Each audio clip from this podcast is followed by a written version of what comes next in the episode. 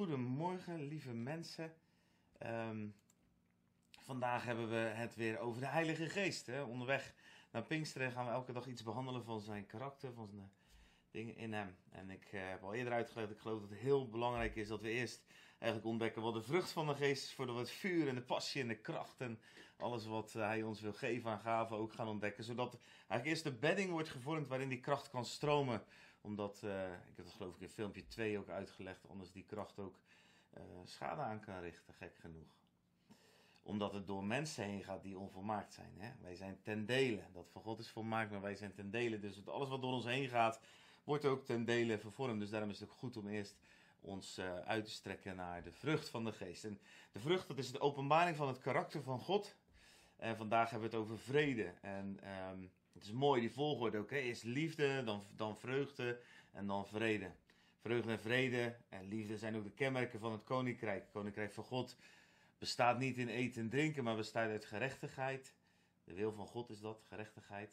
De vrede en de blijdschap, de vreugde in de Heilige Geest, zegt Romeinen 14, vers 17.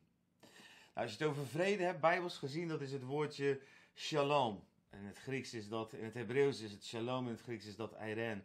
En dat betekent allereerst niet zozeer wat het niet, dat er geen oorlog is of dat er geen ruzie is, want dat hebben wij vaak. Wij associëren vaak vrede met de afwezigheid van iets.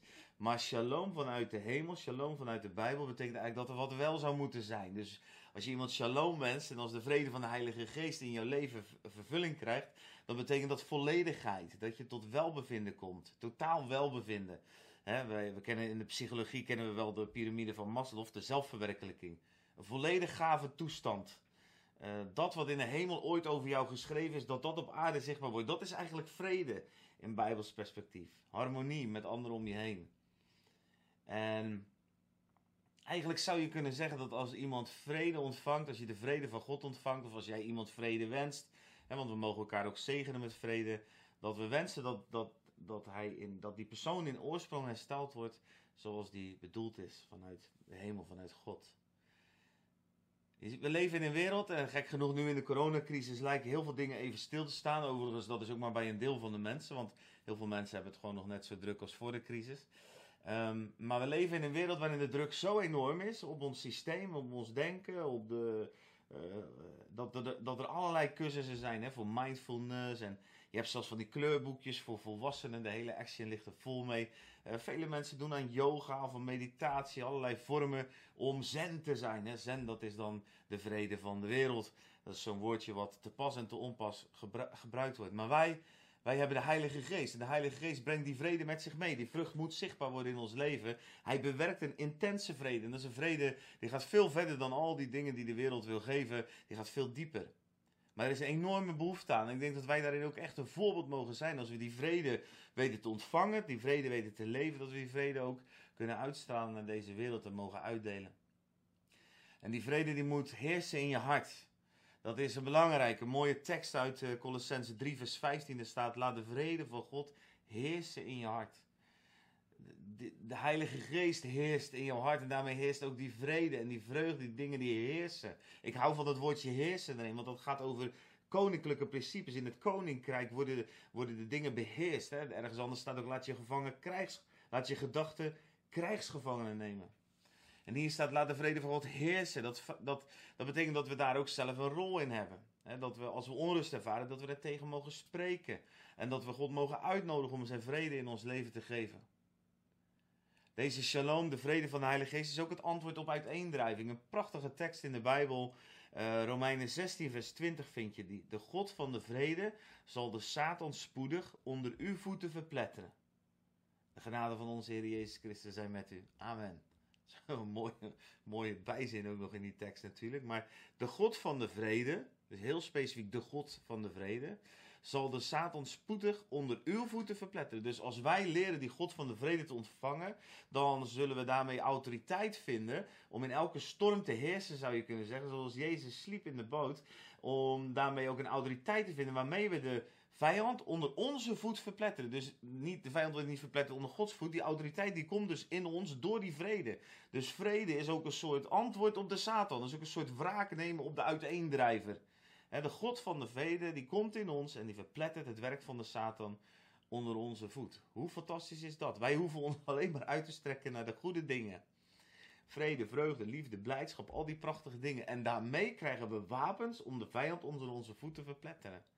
Fantastisch, hè? Dan moet je laten zinken zoiets. Dan moet je laten zakken in je hart. En dan geeft het je dat ook uh, de, dan, dan, hoop ik dat dat zoveel lange in je wekt om die vrede meer en meer te cultiveren in je leven. Om de Heilige Geest die ruimte te geven dat die vrede helemaal in je bewerkt wordt. Het is ook een vrede die gaat je verstand te boven. Het is grappig genoeg natuurlijk. Overigens is het sowieso grappig dat de uh, vrucht van de geest eigenlijk allemaal dingen zijn die zich in de emoties afspelen. Niet zozeer in, in, in het hoofd. Tegenwoordig is het hoofd natuurlijk heel belangrijk, want de verlichting in de 17e eeuw heeft het denken helemaal op de troon gezet. Maar de dingen van God bevinden zich vaak in ons geheel. Lichaam, ziel en geest kan je natuurlijk wel afzonderlijk behandelen, maar zijn ook weer één. En de vrede gaat ook specifiek je verstand te boven. Filippenzen 4 vers 7 zegt dat zo mooi. De vrede van God gaat alle begrip te boven en zal je hart en je gedachten bewaken in Christus Jezus.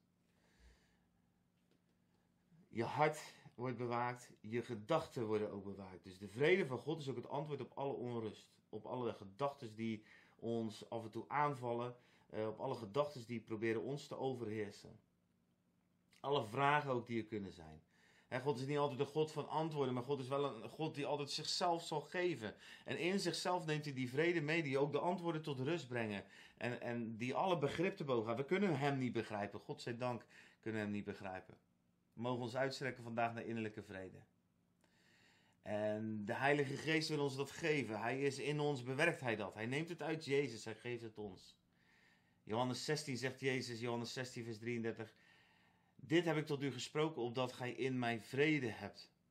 In de wereld leidt u verdrukking, maar houd goede moed. Ik heb de wereld overwonnen. In de wereld zal het niet altijd makkelijk zijn, maar de vrede die God in ons bewerkt, gaat daar bovenuit. En maakt dat wij in deze wereld kunnen schijnen als sterren. En dat wij in deze wereld het licht kunnen zijn wat Gods liefde weerspiegelt. We hebben verdrukking, maar we hebben nog veel meer vrede. Het is verdrukking, maar de vrede gaat het ver te boven. Je krijgt natuurlijk nog een uitdaging mee voor vandaag. Ik wil je vandaag uitdagen om 15 minuutjes zonder telefoon, laptop, computer, zonder andere mensen om je heen een, op een plek waar je even kan relaxen. Misschien moet je je kleedje even meenemen. Gewoon een uh, picknickkleedje. Lekker even in de natuur of op de bank thuis. Even waar je volkomen rust hebt. En dan vraag je de Vader om de Heilige Geest, de vrede van God in je hart te mogen ervaren. En dat je, je geest, je ziel, je emoties, je gevoelens, je wil, je verstand, alles gevuld wordt door Gods vrede. En um, Laten we het soulfulness, soulfulness nemen. Geen mindfulness, maar soulfulness. Of, of spiritfulness. Hè? We willen spiritful zijn. En um, in Filippenzen 4 vers 8 kan je ook lezen wat erbij kan helpen als je er moeite mee hebt. Er staat alles wat waar is, alles wat eerbaar is, alles wat rechtvaardig is, alles wat rein is, alles wat lieflijk is, alles wat welluidend is. Als er enige deugd en als er iets prijzenwaardig is, bedenk dat.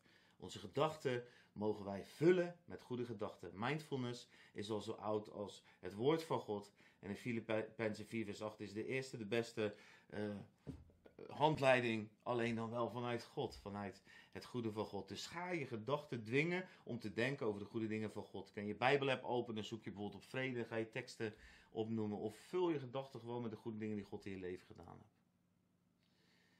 Ik ga het vrijzetten over je dat je in dit moment ook zo krachtig de vrede van God zal ervaren dat Hij je uitdeelt boven alles wat er op je in je leven verder nog speelt.